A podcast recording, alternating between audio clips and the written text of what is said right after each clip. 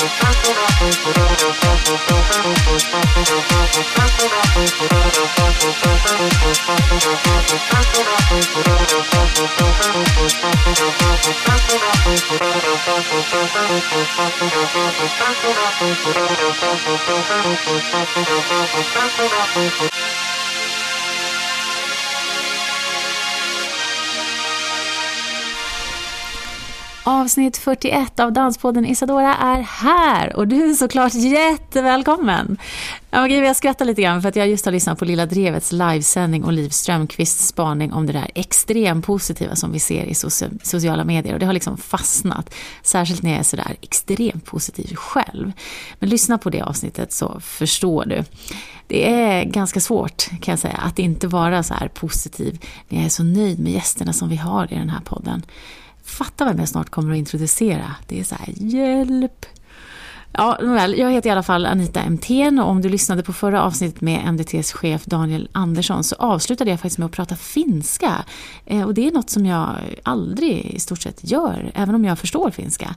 Men jag har finskt påbrå, precis som min gäst i podden idag har, så bryggan till det här avsnittet blev ju perfekt. Okej, så för att ta ner det här extrema och positiva så kan jag säga att ljudet däremot blev lite knastrigt, ungefär som på en LP-skiva, men jag tror att vi kan leva med det. Nu alltså Anneli Alhanko. Hon, den största ballerinan Sverige har haft ever, med rader utav utnämningar. Och hon bara fortsätter att inspirera nya generationer år efter år. Jag bjöds i alla fall in till hennes dansskola Base 23 på Jungfrugatan 23 i Stockholm, när de precis var i slutskedet av vårens dansuppvisningar. Och du kan aldrig gissa vad som hände sen. Eller?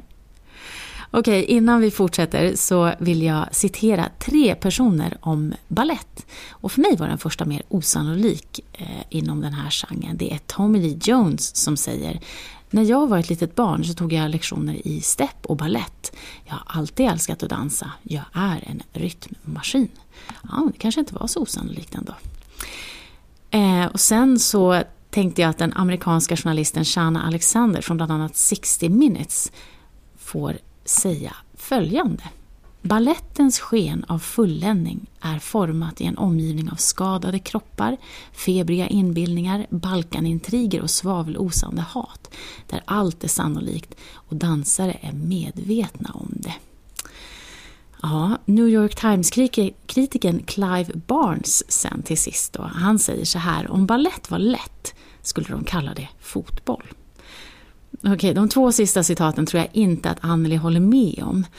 Eh, men jag tycker att vi ska ta reda på det och då dyker vi in. Kom med mig nu här bland till, paljetter och skimrande tiger. Kom! Hej Anneli Alhanko och välkommen till Danspodden Isadora. Tusen tack! Det är ju så som det är nu på senare tid att jag faktiskt är i, hemma hos dig tänkte jag säga. Men i dina lokaler. Ja, det är nästan så faktiskt. Mm. Jag, jag, jag, är här 12 timmar om dagen så det är ju nästan hemma hos mig. Men vi befinner oss på, på Base 23 Stockholm Dance Academy. Mm. Och vi hälsar dig välkommen hit. Ja, men tack så mycket. Tack. Det känns lite awkward när man säger så här, välkommen till Danspodden och så sitter jag hos, hos dig. Men det är ju ganska rätt egentligen. Du sitter ju på rätt ställe. Det är ju ett danshus det här. Så. Ja.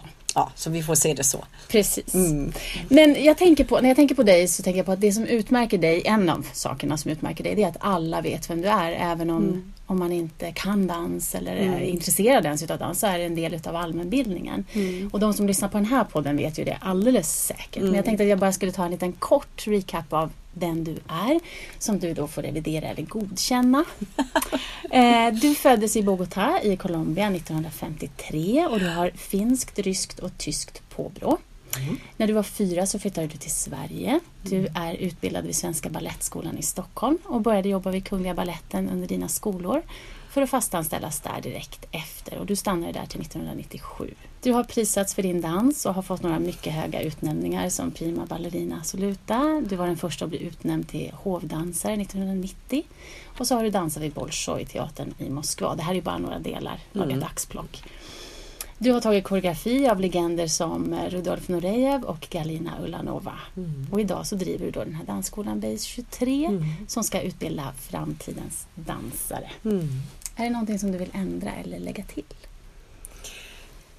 Oj!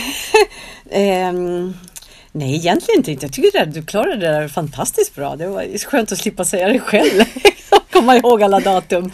Eh, nej, men jag har, jag har haft en, eh, en, eh, en helt faktiskt fantastisk karriär eh, som jag är så tacksam för, verkligen. För att eh, eh, vi pratade lite om det innan du satte på mikrofonen just att, eh, att man måste förvalta det man har fått och förvalta sin talang och, och vi har så många unga unga ambitiösa och duktiga elever här nu som jag ser jag ser tillbaka på mig själv. Mm. Att det är ju just i den åldern när man är mellan 12 och 17, 18 som är väldigt viktiga år. Mm. Och viktiga år att förvalta.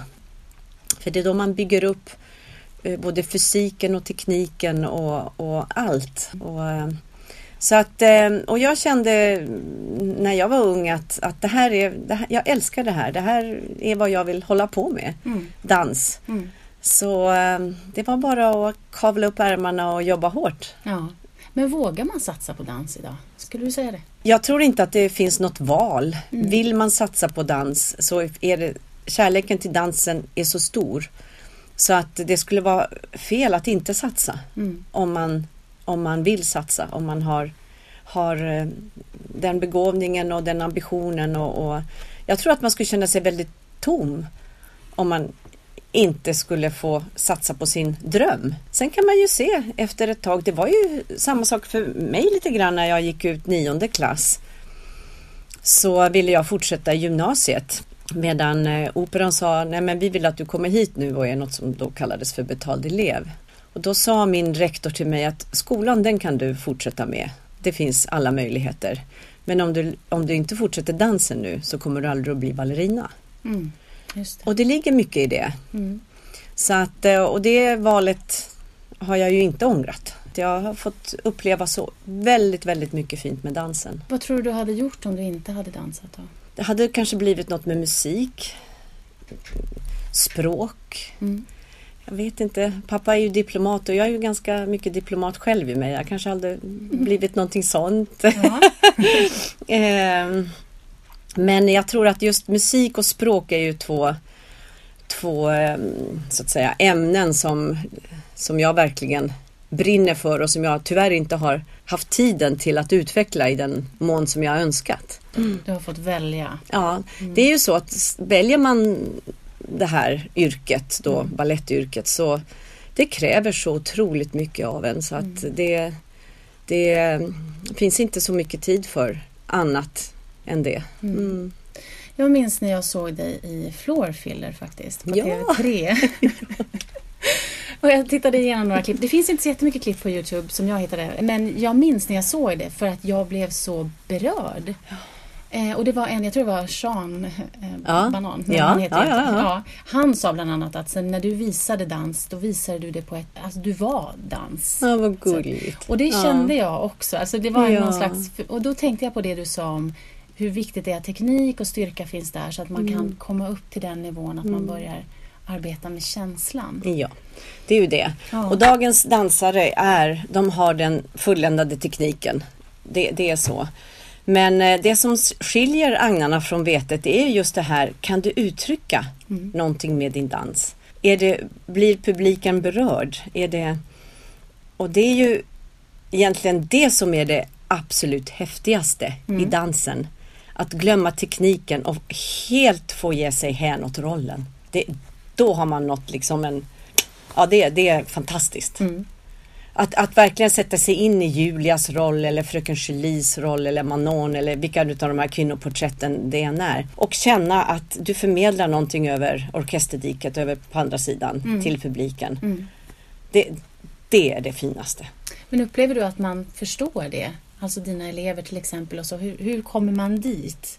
Jag menar, jag tänker att man jobbar ganska mycket med teknik. Man tjatar och man tjatar och man tjatar. Nej men det måste ju finnas en mening med det man gör. Mm. Eh, annars blir, kan man ju bli en gymnast. Mm. Alltså det, det, är verkligen, eh, de är ju fantastiskt skickliga. Alltså lika skickliga som dansarna, eller ja, på ett annat sätt naturligtvis. Men det är ju det som skiljer eh, gymnastik från dans. Det är ju just känslorna. Det är just det här som att kunna uttrycka sig och musiken.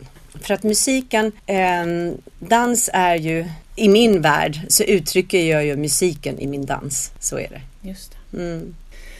När jag tittade igenom, jag har ju läst väldigt mycket om dig och så, när jag mm. kollade på det så såg jag att eh, vi har en koppling du och jag. Nej, roligt. Ja, vi är ju inte släkt. Men... Nej, men gud vad kul. Men Viborg är en gemensam nämnare. Viborg. Min mamma är född där. Nej. Jo, och din mormor föddes där, eller? Nej, min mormor... Sankt Petersburg, Sankt Petersburg ja, precis. Men ja. de bodde i Viborg ett tag också. Just det. Nej. Jo, eh, hon du föddes där 42, min mamma. Och så flyttade de till Savonlinna, ja. eller Nyslott. Till Nyslott? Ja, och sen till Helsingfors och sen till norra Sverige, där jag föddes. Nej, vad roligt. Mm. Ja. Men, och jag tycker det är häftigt. Jag gillar hela den bakgrunden. Jag har inte varit där nämligen. Men har du det? Har du några sådana här? Jag har inte varit i Viborg. Nej. Men jag har varit i Sankt Petersburg, ja. eller mm. Leningrad som det hette på den tiden. Så mm. Där dansade jag. Jag bodde ju där ett, ja, ett halvår. Mm. Och dansade Giselle där. Mm. På eh, Kirovteatern som det hette då. Det heter ju Marinsky nu. Um, och sen var jag där också tillsammans med en av uh, mina favoritballeriner Natalia Makarova. Mm. När hon skulle göra sin comeback mm. på um, Hon hade ju hoppat av Eh, och skulle tillbaka för första gången efter jag vet inte hur många år, om det var 20 år eller något. Mm. Så bjöd hon mig att vara med på, på hennes föreställning på Kirov. Jag kommer inte ihåg vilken teater men det var en teater. Och där, så jag har dansat där flera gånger. Just det, du har bott, var det i Moskva du bodde eller var det i Sankt Petersburg? Nej, det, jag bodde i Sankt Petersburg då, jag, ja, då det där halvåret. Ja. Men eh, sen så var jag bjuden, blev jag bjuden till eh, Bolshoi också, till ja. Moskva och det var ju Mm. Just det. Men är det, det var... därför du blev, alltså den eh, gick enligt den ryska rankningen då? Alltså jag tänker för i Sverige så blir vi rankade till prima ballerina eller premiärdansare. Mm, mm. Men du är liksom ett snäpp över. Ja just det. Ja, men jag, fick, jag blev ju utnämnd av kulturministern där. Ja. Efter mitt gästspel. Mm. Till uh, prima ballerina Assoluta. Ja. Då. ja, precis. Och jag undrar bara, kan man bli det? Du, bara, du blev det. Ja, men jag blev det. Jag vet ja. inte, men det var ju väldigt trevligt. jag sa ju inte nej. nej, men jag förstår att det är väldigt unikt. Det är unikt, alltså, ja. Det är unikt. Så mm. att eh, absolut.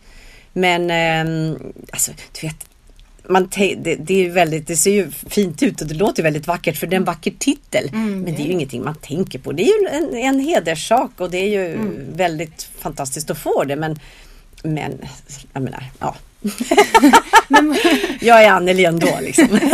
men vad tror du det är som krävs för att man ändå ska se att så här, men det där är top notch? Alltså just utnämna någon till det. Ja, kära någon. Ja, Nej, men jag tror att det är den här eh, den här eh, att man både har att kunna uttrycka, att kunna förmedla känslor och för att kunna, att man är lite speciell, man är lite sin egen. Mm. Att inte följa the mainstream liksom på, på hur man ska vara eller kopiera andra eller göra utan att man är, man är sin egen stil och har mm. hittat sin. Och sen är det ju så här att oftast är det ju att man är ju född med det. Man är ju mm. född med en, med en utstrålning eller med en Eh, talang att kunna förmedla. Mm. Ofta är det ju så. Mm. Jag menar, ser du på Rod Stewart då, på scenen så, eller Rudolf Nurejev, han hade inte behövt ta ett danssteg så svimmar ju folk ändå. Mm. Med, med, sin utstrålning. Mm. Mm. Det, det, är ju mm. det är lite orättvist egentligen men, men eh, så är det ju. De, alla de stora idrottsmännen och, och så vidare, de har ju alla en fantastisk utstrålning. Men det känns ändå som att du har varit ganska medveten om den eller att du i alla fall har vågat följa det är ingenting som man är, utan det bara finns. Alltså det är ju, man ja. jobbar ju på det. Ja. Men medveten, ja, ja, jag vet inte. Det har, jag har bara tyckt att det har varit eh, just att förmedla de här rollerna och så vidare. Mm. Det har varit den intressanta delen i, i, i så att säga i ballett mm. så att säga. Men alltså du har känt ändå att så här, men, jo, men jag kan det här och jag kan ge någonting. Ja, ja, absolut. Jo, jo. Men mm. det, det, och att man har det, sett det också. Absolut. Mm. Det är helt sant. Absolut. Mm. Jag har ju varit medveten om att, att jag har det. Ja, ja. ja. Just det. Som svar på din fråga. Ja, ja just det. Men har du, mm. har du vetat, men du har inte vetat vad, men du vet att det är något? Ja, det är någonting. Ja. Det är någonting sån här som... jag vet inte. men jag tänker att det blir det där yt, alltså yttersta extra skimret över. Alltså Ja. att man vet, man kan inte riktigt ta på det men det är någonting för vissa människor som du säger, Ja. fascinerar en men man Ja. vet inte riktigt vad det är. Nej. Utan det är... Nej, du, vad är det? Ja. Du får förklara. Jag. Jag funderar också, det är svårt att sätta ord på det. Det är men man, svårt. Men det är en känsla Ja, som precis. man får eller som förmedlas. Ja. Och som blir väldigt... Och som blir väldigt påtaglig faktiskt. Ja. Som, som man ser.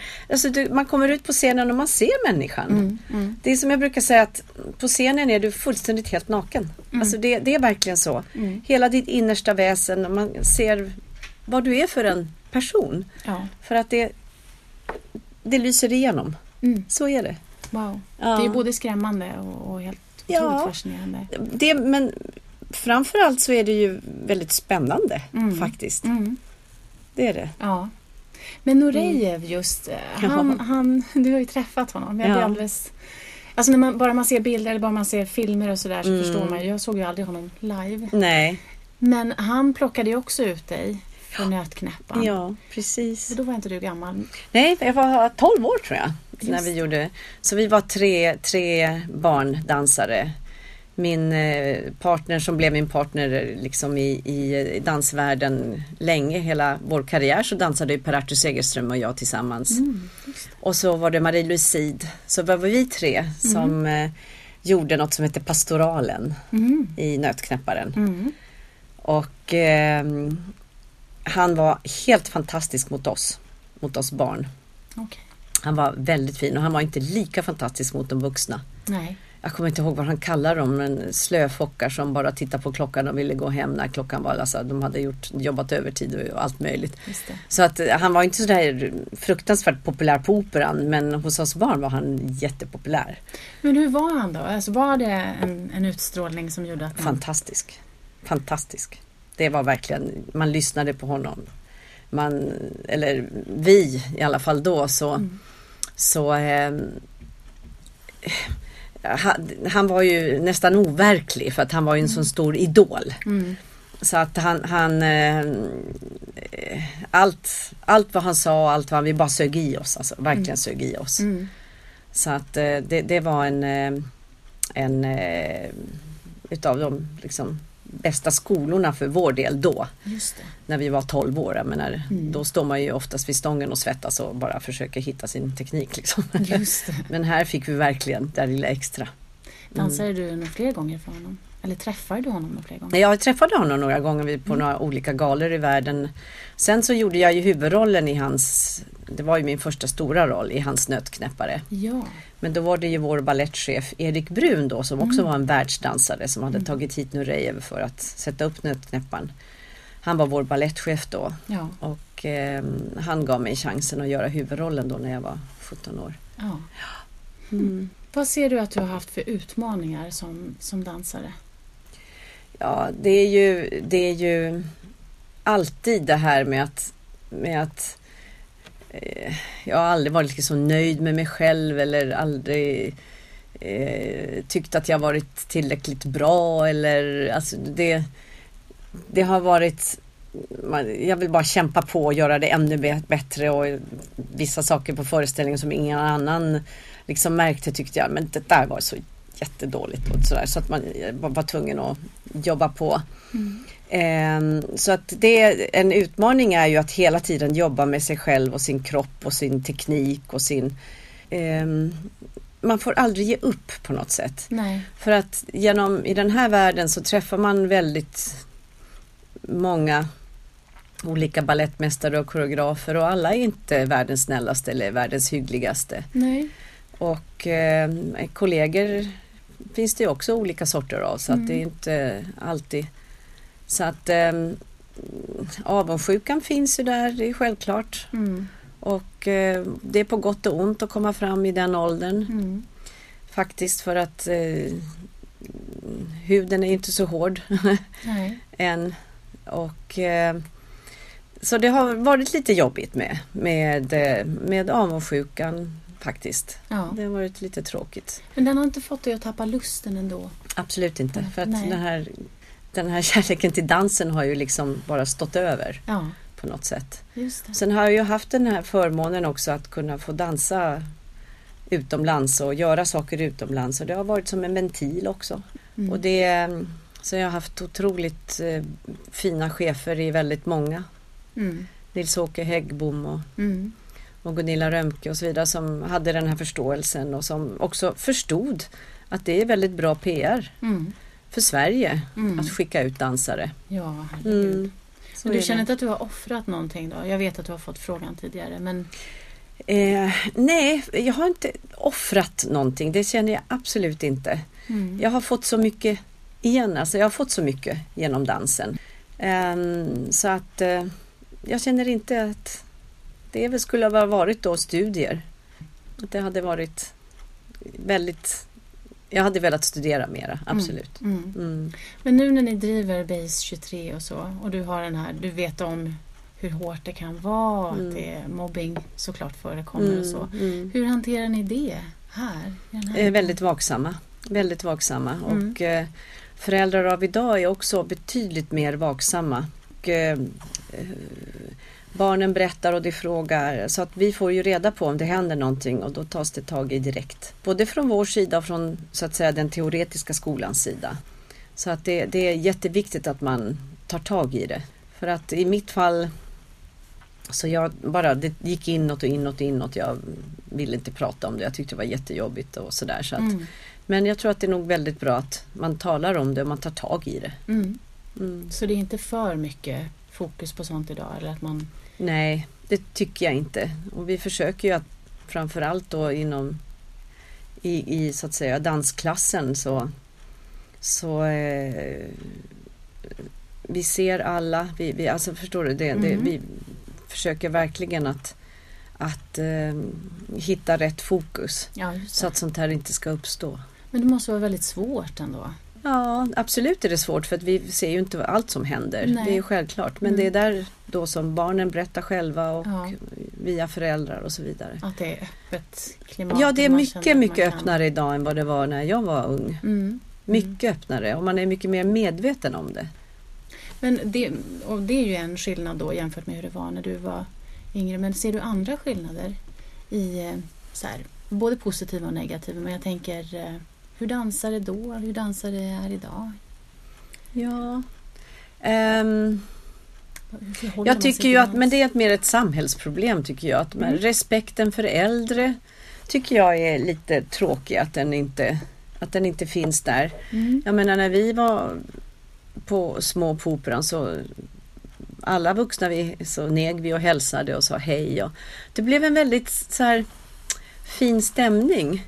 Nu när vi går in i en hiss och så springer ju barnen, knuffar ju barnen undan och springer in först själva många utav dem, inte mm. alla det, alltså inte alla alls. Mm.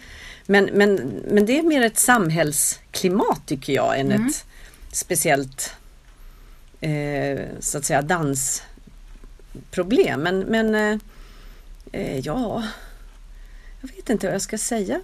Det var lite det jag tänkte på vad gäller det här med, med eh, just hur mycket man ser barnen och sådär. Idag så sätter vi nog barn ganska långt fram. eh, och vill låta dem ta plats. Ja, att de jag vet. Och, det kan bli lite Ja. Balansen är ibland Absolut. Och, och, gränserna. Absolut. Mm. Och det är många som inte klarar den här disciplinen som balletten ändå kräver. Mm. Mm. För att eh, det måste finnas en viss sorts disciplin, disciplin mm. med kärlek. Men det måste finnas en viss disciplin för att det ska bli resultat. Ja. Och dagens barn kanske inte har riktigt den förmågan att ta till sig det och förstå det. Nej, jag, tänker, mm. jag tycker det är ganska skönt att se. Jag har också så här, tränat balett fast mycket när jag var mycket äldre. Jag var 12 när jag började. Mm. Mm. Eh, men jag ser på min son idag som är 8 och som, mm. han har testat lite balett. Det var mm. katastrof. han ville bara spela trummor där inne. De hade lämnat något trumset. Så det var inget bra. Men nu går han på judo och det är mm. disciplin där. Och jag tycker det är så skönt att se för det är ganska mm. ofta som den, när den saknas då blir det något jag upplever i alla fall att barn inte riktigt vet vad de ska göra. Nej, så är det. Så är det. Nej, men det är ju härligt för vi får ju väldigt mycket reaktioner från föräldrar som tackar just för att vi har den här disciplinen vi har i, i hos oss. Mm. Så att, ehm, och det är ju också för att det ska kunna fungera. Mm. Så att det, det, är ju man kommer ut i livet sen så, så, är det, så finns den ju där bland vuxna på ett helt annat sätt. Mm, mm. Så att eh, det där eh, på gott och ont med att, att eh, låta barnen göra och bestämma själva allting. Det, det, mm. ja, jag vet inte. Vi, det kanske inte vart det leder egentligen. Alltså, det... Nej. Nej, det kan man fråga sig. Nej, men det viktigaste är ju att man, att, som vi gör nu, att de ska känna att vi säger det här, eh, de här sakerna, det är ingen kritik utan det är ju tillrätta för att de ska bli bättre och för att de ska förstå att att eh, det här görs med kärlek mm. för att vi vill att de ska bli så fantastiska mm. som de faktiskt var i söndags. Mm. När vi hade vår fina föreställning som du inte såg. Nej! Nej! jag hoppas jag får se den filmad. Ja. Men varför startade ni Base 23? Jo men det var så här att när jag eh, fortfarande eh, var kvar på Operan så sa folk till mig att eh, ah, du måste starta en balettskola, du måste starta för det, det, det måste finnas något riktigt bra. Och jag sa nej, nej, nej, nej, nej. Ja, du vet. Mm. Var så inne i, i, eh, i, eh, sin egen karriär och det, det tar ju det. mycket. Mm. Och sen fick vi Clarissa eh, och då, ja, jag var 40 och då kändes det, nej men nu är det hon som gäller. Mm. Nu det, ja.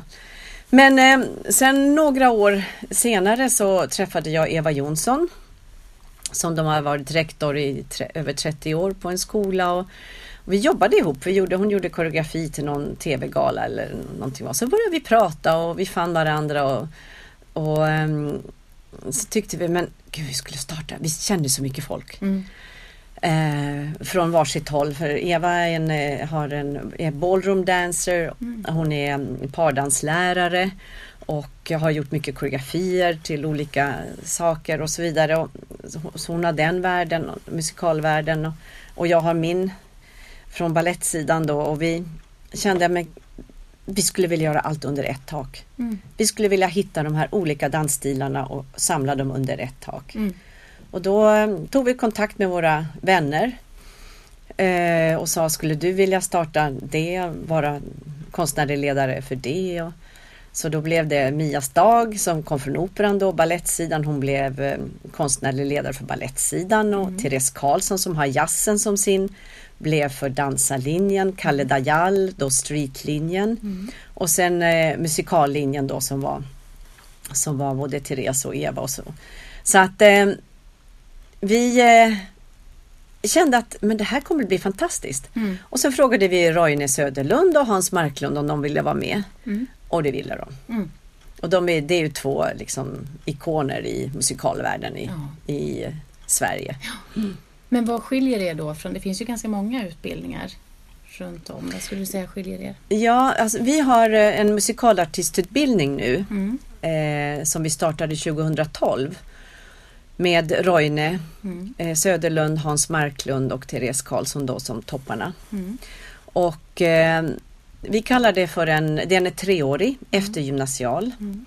Vi kallar det för en eh, triple threat så att de, de får lika mycket dans, teater och musikal. Mm. Eh, vad säger jag, och musik och sång. Ja det är en otroligt gedigen utbildning. Mm. Alltså man, man lär sig alltså hantverket verkligen från början till slut. Och eh, de här av examensföreställningarna som de har gjort nu, de här som har gått ut, det är tredje årets nu som mm. går ut och de, i år gör de Into the Woods. Och de är så duktiga mm. för att man känner att de har hantverket, de vet vad de gör. Mm det är inte någon quick fix här inte, utan man går verkligen in i, mm. in i sig mm. själv och får hela den här kunskapen som de sen ska bära med sig tanken hela, mm. hela sin karriär. Um, så att vi lägger alltså vikt på lika mycket sång, dans och teater. Yeah. Och det är inte alla utbildningar som gör. Nej. Nej. Jag tänker när man pratar om dansare, kan man ens prata om dansare som, som en... Alltså som, och klumpa ihop och säga dansare eftersom det är så himla stor skillnad på de olika genrerna. Ja men det är det som är lite häftigt. Ja. Faktiskt. Det är, det är ju absolut kan man tala om dansare. Det, det, är så intressant, eh, jag vet inte om du känner till tidningen Fortune. De, ja, det är en amerikansk tidning som gjorde ett test på, på nöjesindustrin. Ja. Vad som är störst i nöjesindustrin. Mm. Och då kan du gissa vad det var. Dans! Ja. ja. I både publika och ja. ekonomiska termer så är dans absolut störst. Ja. Jag lovar dig att det dansas i stugorna. Det dansas överallt. Sen kom eh, eh tur- rockband och sen kom opera Mhm. som nummer tre. Men dans var störst. Och dans Mm. förenar. Dans har inget, du vet, dans behöver inget språk att tala. Det, det förenar. Dans är verkligen ett världsspråk. Ja, ja alltså jag håller ju med dig. Ja. Och det gör ju många utav, Vad skönt. utav de som lyssnar och så. Men Ja. jag känner mig som den här evangelisten som ofta Ja, pratar just det. om det. Du vet. Jag vet och man, precis. Man, så här, när man pratar med folk och någon säger så här, ja men jag kan tycka det är kul att dansa. Då vill jag hemskt gärna Ja. bjuda in den personen att se dans eller. Mm. gå och dansa och liksom indulge. Bara så här, Precis. dyk in i det här. Men så märker jag, nej men alltså alla är inte helt bekväma med det. Och, och då tänker jag att det kanske, precis som du säger, man, förhå- alltså man, man dansar men man har ett lite kluvet begrepp till det. För det är så här, men jag kan inte, jag Nej, törs det inte, där inte gör mig så nykter. arg. Ja. Att man inte kan och jag förstår inte. Men har du gett det en chans? Nej, det har de ju inte då. Nej, men jag vet inte vad det är om jag ska sitta. Men så, komma, om, du, om vi nu tar balett då. Ja. Så kom och titta på en föreställning. Sätt dig ner och titta och njut. Du behöver inte kunna några fotbollstermer eller om det är offside eller om det det nu är för någonting. Utan du kan bara njuta. Det är oftast fin musik, det är vacker dans, det är fin dekor. Du behöver inte kunna. Sätt dig bara och ta till dig. Och när de gör det så börjar det plötsligt liksom visa sig att de alla tror att det är så svårt. Ja. Att man måste kunna så mycket för att kunna uppskatta det här. Och det behöver man ju inte. Nej. Vare sig man går på modern dans eller jazzdans eller stepp eller vad som helst. Så bara njut. Ska man göra det själv, det är då de kommer de här känslorna. "Åh, jag är för blyg eller jag är hit och dit eller du vet, kan inte. Och det kanske är svårare för nordbor för det är inte bara att släppa loss. Nej.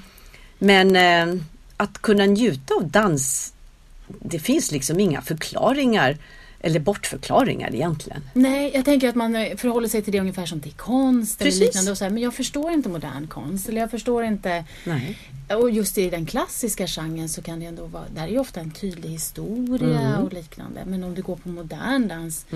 Då, I alla fall de jag pratar med blir ofta mer så här, men okej jag fattar ingenting. Mm. Nej, nej. Jag blir obekväm utav det här. Mm, jag vet, jag vet. Så är det. Ja. Men, men ehm, då måste man ju bara öppna upp lite. Hallå! Ja, och det, är då jag tänker att det finns så många olika genrer. Man kan gå och se, du kan bli underhållen eller du Ja. kan bli väldigt du kan fråga dig vad det är du ser egentligen. Ja, du kan gå väldigt absolut. mycket in i dig själv. Eller du, Ja. så du kan välja Ja. en massa. Men vet du vad? Alla de här olika sakerna som du nu räknar upp. Mm. Sist och slutligen så är det så här. Blir du berörd eller blir du inte berörd? Det, det, det är det vi vill nå med vår dans. Mm. Att publiken ska bli be- berörd Mm. på ett eller annat sätt. Jag var såg eh, Kullbergs 50-årsjubileum nu Ja. och såg Euridike. Mm. Och jag tänkte att alltså Birgit är ju fantastisk och Mats och, Anna, att Mats Ek och Anna Laguna hade gjort så, alltså en så fin instudering. Och den här är ju så gammal, den är från 60-talet. Ja. Och fortfarande så finns det så mycket i den. Så du ser, det, liksom, det, det har ingenting att göra med att det är gammalt eller att det är nytt. Eller, utan, utan jag tror att man måste bara öppna upp och vara mottaglig. Och, och inte, inte ha den här känslan av att nej, jag förstår ingenting, det är ingen idé att jag går. Nej, men tror att man För då skulle det- jag kunna säga det när jag går på en fotbollsmatch. För jag förstår faktiskt ingenting, men jag tycker det är så roligt att se när de springer efter bollen. Ja, just det. Ja, precis. Men Mm. jag tänker att man kanske ändå tycker det är lättare med teater eller med litteratur där du får liksom läsa eller där du får, ja.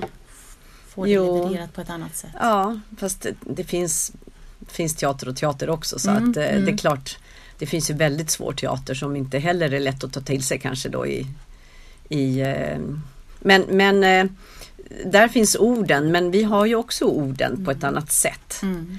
Det kräver, jag vet inte om folk tycker att det kräver mer av dem att sätta sig ner och titta på modern dans än att titta på modern teater. Det kan du ju göra. Ja, jag tänker att det handlar om att tolka då måste du gå till dig själv och då Mm. Ja. kan du inte... Och då kan det bli lite jobbigt. Ja, Ja, just det. Fast när det kommer tillbaka till det du sa, att dans fortfarande är det som är mest populärt. Eller det är Mm. det som... ja det är intressant. Ja. Mm. Så där har vi någonstans ett facit. Ja. Att Ja. Oavsett vad folk säger. Ja. Jag ska bara Men sen är det samma undersökning säger ju att eh, 90 procent av i-världens kvinnor har en gång drömt om att bli ballerina. Det är faktiskt väldigt intressant. Mm. Eh, så det finns den här drömmen. Men beror det på dansen eller beror det på Tylle? Det är nog en blandning Ja. skulle jag vilja säga. Mm. Nej, men jag var sju år och mina föräldrar tog mig på operan och vi satt och såg Stenblomman. Mm. Så blev jag liksom förhäxad eller det var magiskt hela alltihopa. Mm. Mm. Så att jag, jag skulle nog tro att det är en, det är en blandning Mm. av, eh, av eh, att man blir berörd, att man ser de rosa tåskorna, att man ser tyllen, man hör musiken. Ja. Man, det, det är en blandning. Det, är, åh, det är en känsla. Ja. Jag går med mina barn på Nötknappan varje år. Ja, Sen de var fyra. Någon gång har de somnat. Det är sådär. Men jag vill att de ska få den här känslan. Och också att gå på operan. För det är en sån upplevelse. det är det. Jag ska gå ikväll, jag är så glad. Jag ska gå och se Svansjön ikväll. Åh, Ja, vad härligt. Är det med. Nadja Sellrup? Jag vet inte vilka som dansar, om Nej. det är Nadja eller Nathalie eller jag vet inte vem det är. Mm, Men eh, det spelar ingen roll, jag Nej. älskar dem alla. Åh. Och det, det känns inte som att du går tillbaka till din gamla arbetsplats utan du trivs. Nej, jag har varit där så mycket. Ja. Jag har ju varit där och coachat och, och jag ser nästan allt som går att se. Ja men du, vad intressant. För att Mm. jag pratade just med Nadja s- om det här med eh, Alltså hur man coachar Mm. nästa generation och så. Och det du sa just det här om att det inte finns så mycket tid när man själv är mitt uppe i Mm. karriären. Vad man ska säga. Kanske som klassisk dansare. Men att inom streeten Mm. så, så gör man det natur. kontinuerligt. Ja, precis. Vad, vad säger du om det? Nej men eh, eh, jag, jag hade ju en stor förebild i, i många när jag var ung Mm. och fick hjälp av många. Eh, som, som eh, var som en sorts mentor för mig. Mm. De stora ballerinorna. Och eh, jag tror nog att jag också mm, när jag blev äldre har eh, försökt att vara det för yngre Mm. dansare. Mm. För att eh, det är ju oerhört viktigt att föra det här vidare. Mm.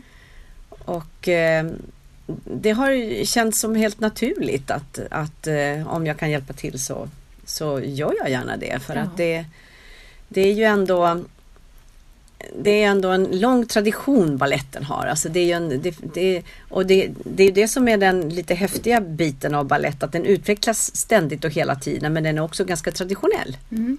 Så att det finns ju två delar i den. Mm. Mm. Och om man ser till tekniken så blir det bara värre och värre. Jag menar våra elever nu som de kommer in och så första de gör i Don Quijote på, i söndags på elevföreställningen då var att hon satte fyra piruetter.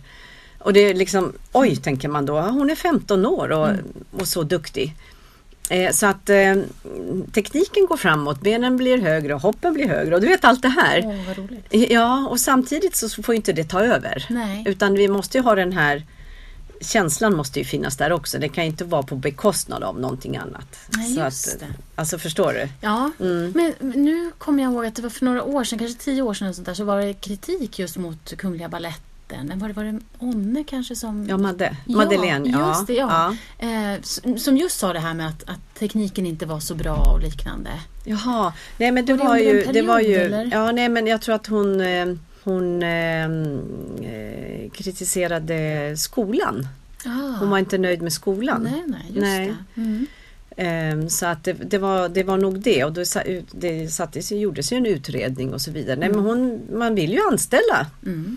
anställa dansare från, från eh, den statliga dansskolan. Mm. Men om inte de är tillräckligt bra så kan man ju inte det. Nej. Så jag förstår ju hennes kritik, Mm. absolut. Blev det någon förändring tror du?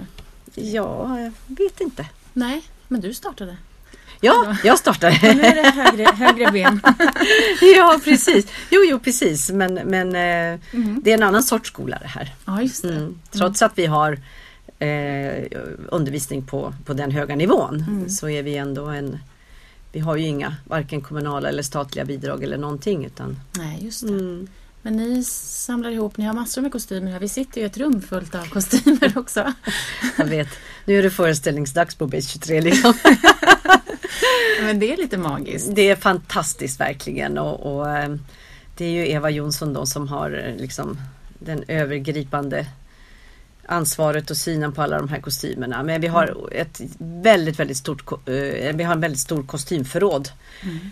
Med, eh, som vi har fått från teatrar, vi har köpt in och vi har gjort allt möjligt så att våra föreställningar är, eh, är eh, väldigt fina just på det sättet att mm. det, det, det ska kännas att det är föreställning. Ja, mm. av de bilderna jag såg så såg det verkligen föreställningsaktigt ja. Men vad, jag vet att du har sagt att det är viktigt att man så tidigt som möjligt som dansare möter en publik. Mm. Varför är det så viktigt? Därför det är på scenen och framför en publik som man utvecklas mest. Mm. Det är ungefär som man, jag spelade ju väldigt mycket tennis också när jag var ung och mm. valde lite mellan tennis och, och, dans.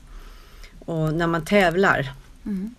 i tennisen så det, det är då man är till det yttersta, man är väldigt liksom mm. det, det, är då det händer saker och det är lite samma sak med dansen. Ja. När man står där på scenen så är det en tävling med en själv på något sätt. Det är då det man verkligen ger det yttersta. Och man får se själv också svagheter och mm. är det nerver eller vad är man, man utsätter, utsätter sig själv för för att verkligen maximera sin kraft och kunskap. Och. Mm. Så att eh, allt det här med balletttävlingar som jag själv då har varit med om. Jag är, jag är så tudelad till balletttävlingarna. Jag tycker mm. det är så väldigt bra det här jobbet mm. inför en tävling. Mm. Men sen så är det ju, känns det ju som att eh, det, det är lite godtyckligt och lite politik och lite rena med det femte. Mm. När det väl kommer till, till kritan. I hela världen. Ja. Mm. När stod du själv framför publik första gången? Oj, det var nog så här på riktigt så var det när jag var 10-11 år och gjorde Lille Petters resa till månen som det hette på Operan då som var en fantastisk barnföreställning. Mm. Helt otrolig. Eh, fantasifull och rolig och eh, fin musik. Och, ja. Så jag var, det var nog när jag var runt 10-11 år. Just det. Ja. Mm. Mm. häftigt. Nu när du säger Operan då kommer jag tillbaka igen till Kungliga Baletten och så mm. tänker jag på att det är ju uppdelat mer nu med klassiska dansare och moderna dansare. Mm. Jag vet inte, det är Johannes Öhman mm. som har gjort det. Mm. Vad, vad, tycker du om det? Ja, alltså det är ju, det är ju spännande. Jag tycker det är, det är en väldigt spännande repertoar. Mm.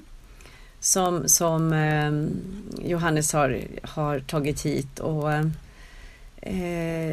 Det har, det har eh, genererat i, förut när vi när det inte var uppdelat så dansade ju de klassiska dansarna allt så att säga. Mm. Och eh, det är väl lite så det är egentligen. Dagens klassiska dansare är ju väldigt bra på väldigt mycket. Mm. Och eh, Mats Ek väljer ju de klassiska dansarna i sina, han är ju modern koreograf. De, väldigt många moderna koreografer väljer ju klassiska dansare. Mm. Så att eh, alltså våra, eller de dansarna på Operan de är nog ganska mycket klassiska. Fast de är moderna. men vad kan man ha emot sig då om man är klassisk dansare men som ska, eller som ska dansa modernt?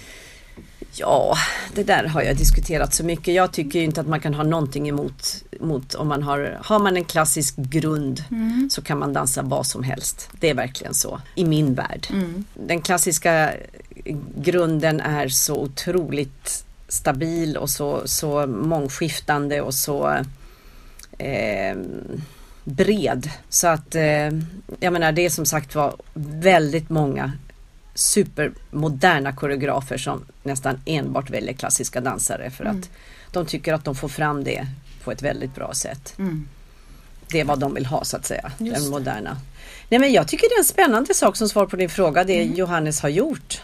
Så att eh, så jag är ju inte mera liksom insatt i det där än att jag Nej. ser det utifrån. Nej, just det. Så att det mm. Jag tänker på det Nadja Sellerp återigen sa. Hon gick från klassisk till mm. att testa modernt under några år. Och sen när hon mm. kom tillbaka på tå mm. så då kände hon av att även om hon var stark det kan bli svårt. som bara den så mm. var hon det på ett annat sätt. Ja, det, det är nog ja. svårt som dansare. Ja. Det, så det kan jag förstå. Just det. Att det är så. Mm. får vi besök. Här får vi besök av Eva med en tom kasse. Ja. ja, ja, ja. ja, nej men, men det, det Ja, har man som klassisk dansare bara dansat modernt mm. då, då ett tag så mm. då tror jag att det är svårt att verkligen utan att skada sig eller sådär Ja, komma det. tillbaks igen som, Men den andra vägen tror du går, eller den går uppenbarligen ja, jättebra. ja jag tror det. Ja. Vad känner du att du har så bidragit med inom din genre? Oj, vad har jag bidragit? B23 tycker jag att jag har bidragit med. eller hur? Finns det något så här klassiskt eh, Anneli Hanko-uttryck som, eller något som du vet? Eh, ja, det är absolut. Andas in, andas ut. Nej, men som, det är så roligt för att verkligen som, som chef då, som Eva och jag är här då, så är det ju så mycket som händer hela tiden. Vi får ju ta akuta, alltså det händer ju akut saker hela tiden som man måste ta ställning till och bestämma sig om och så vidare. Och, och det är sällan vi sitter ner liksom och kan säga att Åh, vad har vi för strategi nu? För vi hinner helt enkelt inte. Det går, alltså det, det händer saker hela tiden. Ja. Och då säger vi till varandra, andas in, andas ut. Men annars så tycker jag något som har varit väldigt bra i min karriär, att det allt har sin tid. För det har verkligen varit så. Allt har sin tid. Jag, när jag slutade på Operan så dansade jag ju i var åtta år till och gjorde det jag tyckte var kul och gjorde mina egna saker och galor och sådär. Och eh, det var underbart då för då hade jag ju mera tid eftersom vår dotter då Clarissa var så liten också så var det. Och sen eh, och jag hade inga som helst problem med att sluta på Operan eller att det var något blev något trauma eller någonting. Absolut inte utan det var Åh, Det var- bra. Ja men det var faktiskt Ja. eh, väldigt skönt. Ja. Men eh, inte att sluta där alltså, Nej. utan att det inte blev något trauma. men i och med att jag faktiskt var i den positionen så jag kunde fortsätta att dansa och ändå liksom få ut Mm. och göra saker. Och sen till slut när inte morötterna fanns kvar Mm. där till att ja, men nu har jag verkligen gjort allt som går. Mm. Så då startade jag och Eva Beige 23. Så att eh, det, det på något sätt, Mm. ja. Men, men minns du ditt sista framträdande? Var det för, var det i Amerika? Nej. Alltså när du uppträdde för sista gången eller vad man nu ska säga. Oj, ja det var det kanske. Nu tänkte jag säga för Bill Gates, men det var ju inte. Men för... Men för eh, Eh, ja, nej det var på Operan, det har du rätt i. Du, det var ju inte så många år sedan. nej. Det var ju för Bill Clinton då. Bill Clinton. Melanie Godot och, ja, ja precis. Mm. Just det, och då gjorde Hans Marklund en liten rolig koreografi. Just det, Ja. så var det. Ja. Ja. Men och då kände du sen att men det, jag är färdig med det där nu. Det, nu går jag, då var du redan på väg in i Ja, då var jag saker. redan, då hade ju redan Base startat. Men det känns som att det är lite så det har fungerat för dig. Du har aldrig Mm. stått i livet och så här funderat på men vad ska jag nu göra för någonting? Nej, det har jag faktiskt inte. Nej.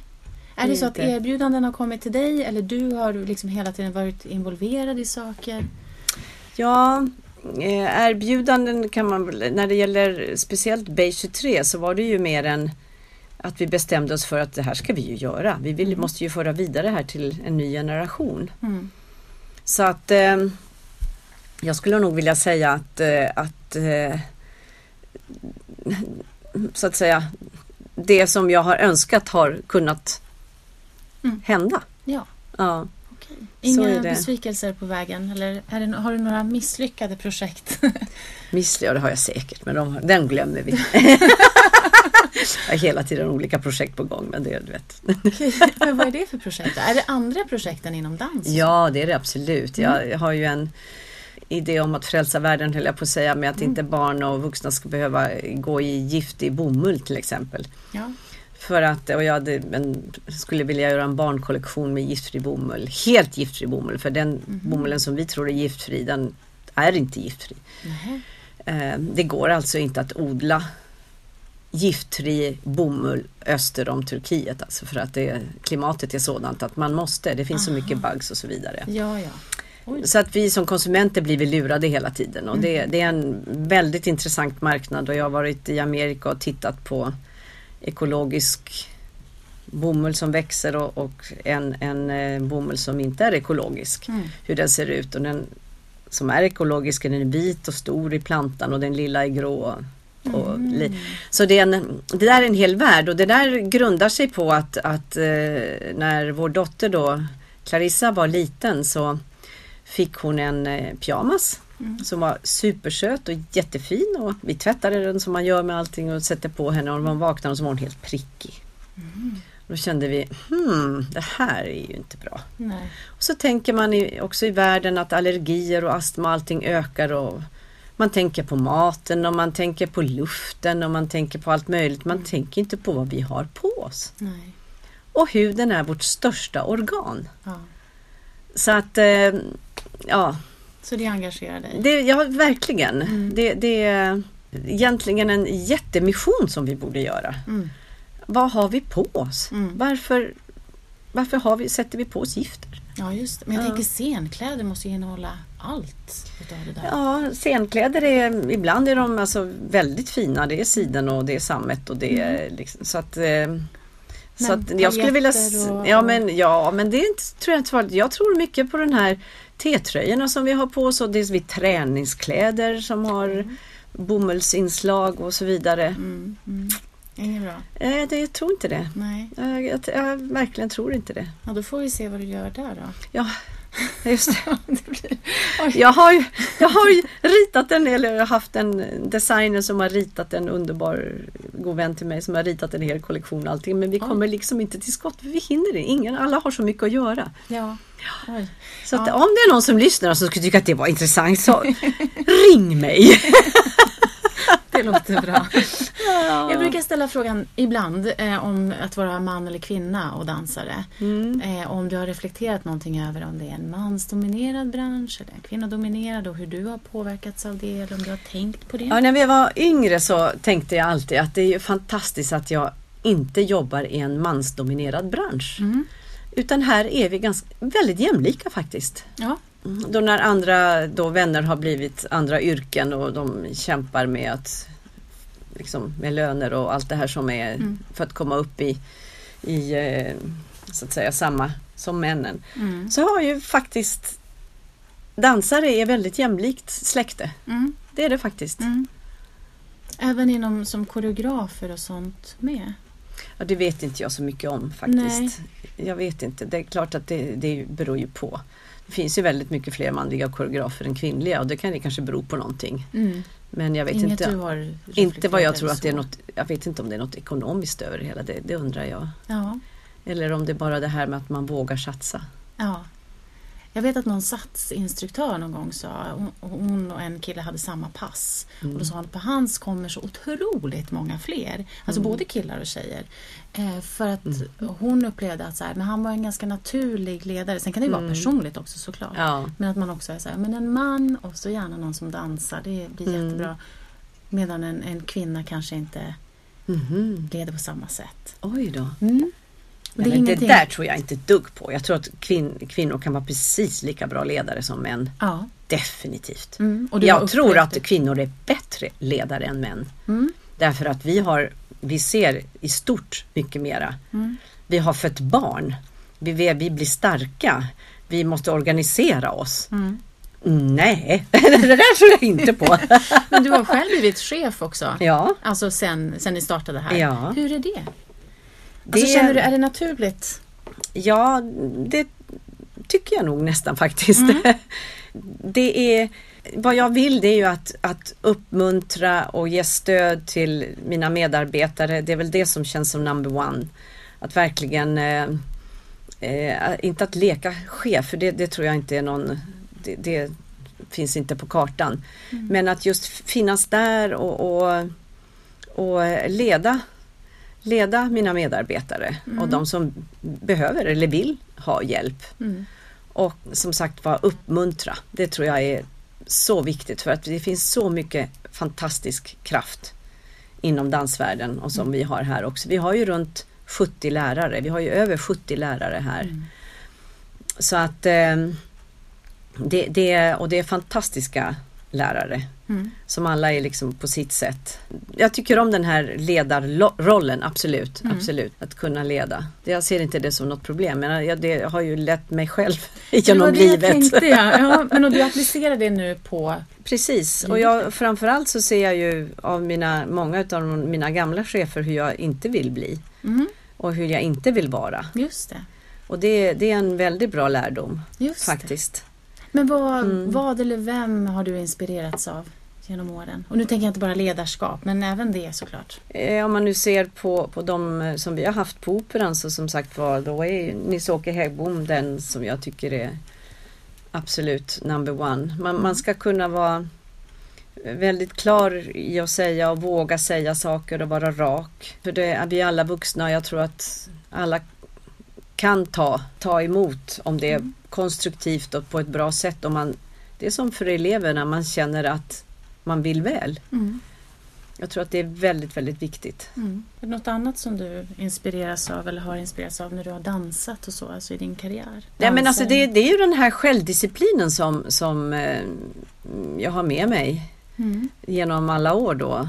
Och det, det, det, måste man ju ha med sig som, eh, som eh, dansare men det måste man även ha som chef. Man ställs hela tiden inför uh, olika beslut och man måste ta de där besluten snabbt ibland och lite långsammare ibland och man måste se utvecklingsmöjligheter och man måste kunna man får nog vara ganska mycket visionär också. Och framförallt inte snöa in sig på gamla saker. För mm. det, det, utan se framåt. Jag tror att det är jätte, jätteviktigt. Mm. Allt det här med att hur man gjorde, hur, så här har vi alltid gjort eller så här gjorde man förr eller något sånt där. Det tror jag inte ett dugg på. Utan det gäller här och nu och, och, samhället förändras och världen förändras och vi förändras. Ungdomarna här förändras. Och vi måste hänga med där. Mm. Det låter väldigt viktigt. Ja men det är det. Jag tror att det är en av de viktigaste sakerna mm. faktiskt för att eh, kunna mötas. Mm. Och för att kunna eh, liksom gå framåt och mm. kunna ge också utav sig själv. Mm. Att man är ärlig mot sig själv och man är ärlig mot den som man talar med. Mm, mm. Jag tror att det är jätteviktigt. Ja. Mm. Jag tänkte på, jag lyssnade på Svansjön nu eh, mm. under förmiddagen. Och eh, så otroligt Får jag höra ikväll. Ja, så fint. Men jag har ju mm. också sett, alltså, och då fick jag dansbilder och, och bilder av Fredrik Benke Rydmans mm. Svansjön eller Swan Lake Reloaded. Har du sett den? Alltså det är hemskt att säga, jag har inte sett den. Nej. Jag hade biljetter två gånger. Mm. Det var inte så enkelt att få dem heller. Nej. Men eh, båda gångerna så gick det inte att gå. Nej, just det. Nej, det var ju på när han var på Dansens hus då. Precis, ja. just det. Mm. Nej, men jag tänkte att det är roligt att, att det faktiskt eh, finns en en korrelation däremellan. Alltså just att man, att nu när jag, när jag lyssnar på den klassiska mm. Tchaikovsky så, mm. så hör jag och ser ändå mm. de här street... Benkes. Ja, ja, ja, för att det är det senaste som ja. jag har sett. Sen har man sett en massa olika versioner. Han är så smart Benke. Han hittar, han är så eh, han hittar verkligen eh, olika vinklar på att eh, hitta ny publik och eh, mm. hitta liksom förändra storyn så att den blir aktuell och han är, han är urbra, alltså verkligen. Ja. Ja. Hur mycket samarbete, alltså har ni något samarbeten med skolor runt om, jag tänker i Stockholm, men i Sverige eller i världen? Gör ni något eh, ja, vi har ju lite samarbeten, framförallt med olika skolor i Europa. Mm. Och sen vet jag inte, jag tror att alla är som vi. Vi jobbar häcken av oss och vi har liksom Man skulle så gärna vilja gå och titta, man skulle vilja ha kontakt och så vidare. Men man orkar inte, man hinner inte. Nej. Det är så märkligt. Mm. Utan det är ju våra kontakter runt om i världen som vi har eh, våra lärare och mm. så vidare. För att om vi vill skicka våra ungdomar till andra skolor och så vidare så har vi liksom, vet vi att där är bra och dit ska du åka och sådär. Mm, mm. eh, och då har vi våra kontakter ofta. Mm. Men eh, men eh, vi går och tittar ibland på varandras avslutningar och sånt där. Ja, Absolut, och det är mm. jätteroligt. Ja. För att jag menar dansvärlden är så pass liten ändå så att mm. det, det är vi ska ju värna om varandra och värna om eh, ballett i, den här, då, mm. i det här fallet och, och så vidare. Så att mm. det, det, finns ju bara positivt med att, med att liksom kunna tala med varandra och, och mm. se varandra. Och man, det är väl mest tiden. Mm. Mm. Men gör ni några gästspel någonting runt om i Europa eller världen? Ja, alltså vi har ju gjort en fantastisk föreställning som heter Drottning Kristina. Ja. Helt underbar. Mm. Och den har vi ju åkt omkring med lite och vi var med, eh, den gjordes ju första gången i rikssalen på slottet, var det 2014 eller 2015, jag kommer inte ihåg. Den blev en, direkt en succé. Ja. SVT och... Ja, mm. sen blev det en film och vi åkte på statsbesök med eh, kungaparet och gjorde den till Finland och, och nu eh, eventuellt så är det en, en större turné också. Mm. Som är, allt beror ju på pengar. Ja, det är ju det här, den tråkiga lilla detaljen mm. som man måste sitta och räkna på.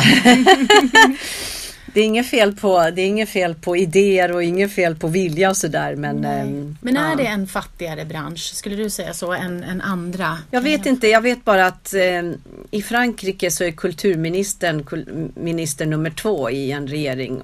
Här känns det inte som att kulturministern har så hög status som vi som jobbar med kultur skulle önska. Nej, Frankrike känns som en modell just vad gäller mm. kultur. Ja, vill, verkligen. Om man vill satsa på det. Mm. Till och med Finland och Danmark och även Norge satsar ju väldigt mycket mer på ballett och dans Men, känns det som. Ja. Hur kommer det sig att vi inte Jag vet inte, en annan kultur. Det är en annan kultur. Oh.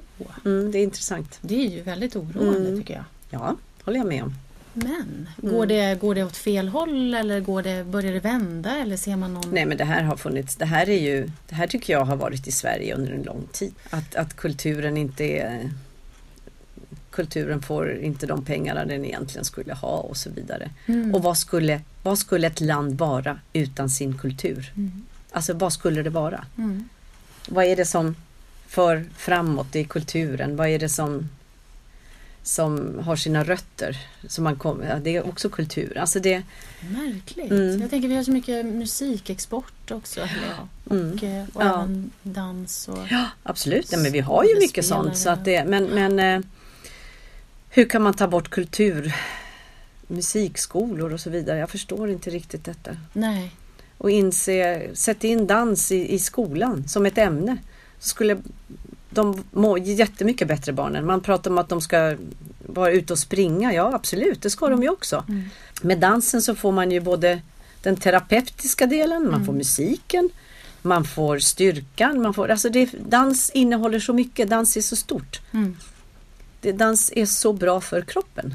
Men kan man prata om och dans? Och själen. Ja, mm. i skolan. Jag gick en, en eh, kurs på ett universitet i Växjö. Ja. Där det var gympalärare som mm. ville lära sig alltså hur undervisar jag i dans? Mm. För jag kan inte säga dans. Det var deras upplevelse. De hade mm. svårt att prata om dans utan de fick säga rörelse istället för att barnen en del mm. barn blev väldigt, ville inte röra sig i dans. Men i rörelse så var det en annan sak. Tror du att det är så?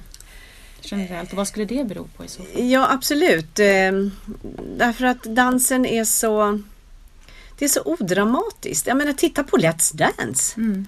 Till exempel. Mm. Du kan ju få alltså, sådana som aldrig hela sitt liv har tagit ett danssteg och ser riktigt hyfsade ut. Mm. Och tycka, alltså alla tycker att det är så fantastiskt. Mm. Vilket är så roligt. Mm. Och Let's Dance har ju gjort mycket för dansen i, i Sverige. Alltså att mm, den blir man talar om det och så vidare och så vidare. Mm. Det måste ju börjas redan i unga år. Mm. Och Det är därför jag menar att det vore ju fantastiskt att ha någon sorts dans i skolan redan när de är små. Ja. Och att det sen följer med uppåt. För att också dans, finns ju något som heter dansterapi som är helt fantastiskt. Mm. Mm. Dans är förlösande. Dans, man behöver inte vara blyg eller skygg. Eller man kan vara blyg och skygg som jag var. Mm och ändå bli ganska normal efter mm. att ha dansat. Alltså förstår du? ja. ja. men jag började ju dansa för att jag var så fruktansvärt blyg och skygg. Mm. Det finns så mycket positivt med dans förutom motionen. Ja, mm. ja just det. Uttrycket. Mm. Om vi börjar runda av nu mm. så vill jag fråga dig vad, vad som händer härnäst och vart du är på väg. Oj, ja nu så här i närtid så har vi då är det tio föreställningar kvar på Oscarsteatern. Mm. Och, ehm, och då har vi ju allt från barnföreställningar till våra så att säga musikalartistutbildning till deras föreställningar och ballett Alhanko Academy och Ballets föreställning Don Quixote som var i söndags då. Som, mm. så att, och sen har vi våra eh, så att säga hobbyklasser och det är, det är så underbart att se de här barnen hur lyckliga de blir och så fort de har förstått att de står på scenen där så växer de. Det är mm. det vi pratade om innan mm. där. Mm. mm.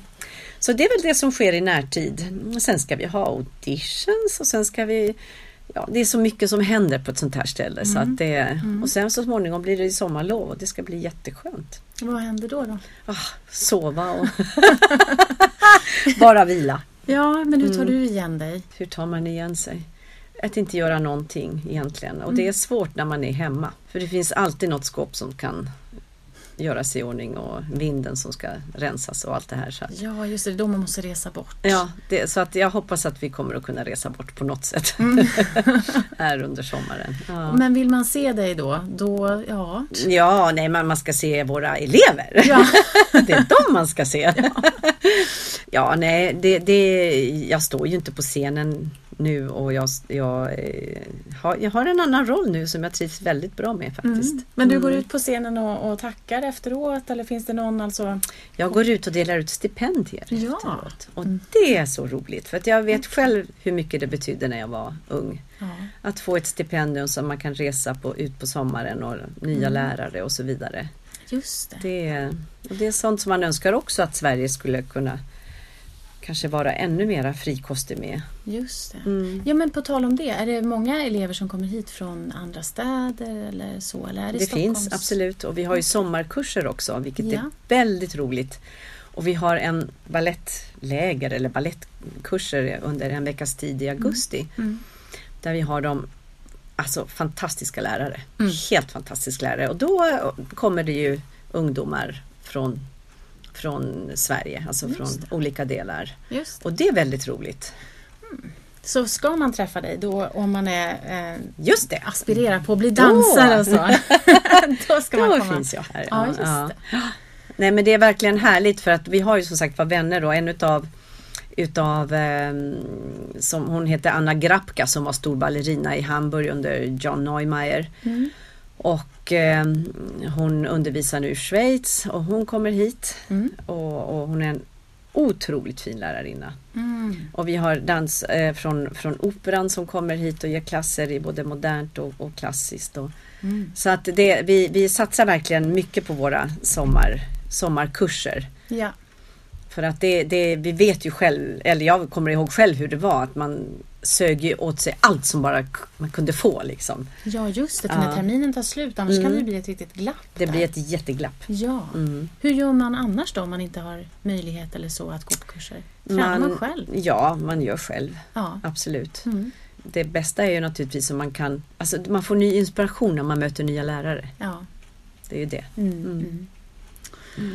Åh, ja, jag vill inte att det här tar slut. Nej, men- det är så roligt att prata med dig! Jag fattar inte att vi har en mikrofon Nej, framför oss. Vi får ta en del två någon gång. Ja, vi får göra det. Men tack så jättemycket för din tid. Ja, men tack själv! Jättetrevligt att träffa dig. Tack. Tack för att du har lyssnat på vårt 41 avsnitt. Jag hoppas att du gillar det. Och bara så du vet så är anledningen till att vi fortsätter göra de här avsnitten avsnitt efter avsnitt efter avsnitt att du lyssnar. Typ. Det är i alla fall ett stort överhängande skäl. Så fortsätt med det och kom med önskemål, drömmar, feedback. Vi tar emot allt. Vi gillar verkligen det. Men nu är det dags att säga adjö för den här gången. Och vi som gör podden heter Niklas Reimertz och jag, Anita MTN. Ge oss gärna feedback som sagt, eller tips. Du kan mejla oss på isadorapodd med ett d, at gmail.com. Eller så kan du gå in på Facebook, Twitter eller Instagram där vi heter Isadorapodden med ett d igen. Ta hand om er och ta hand om era fötter. Stretcha till nästa gång. Hej då!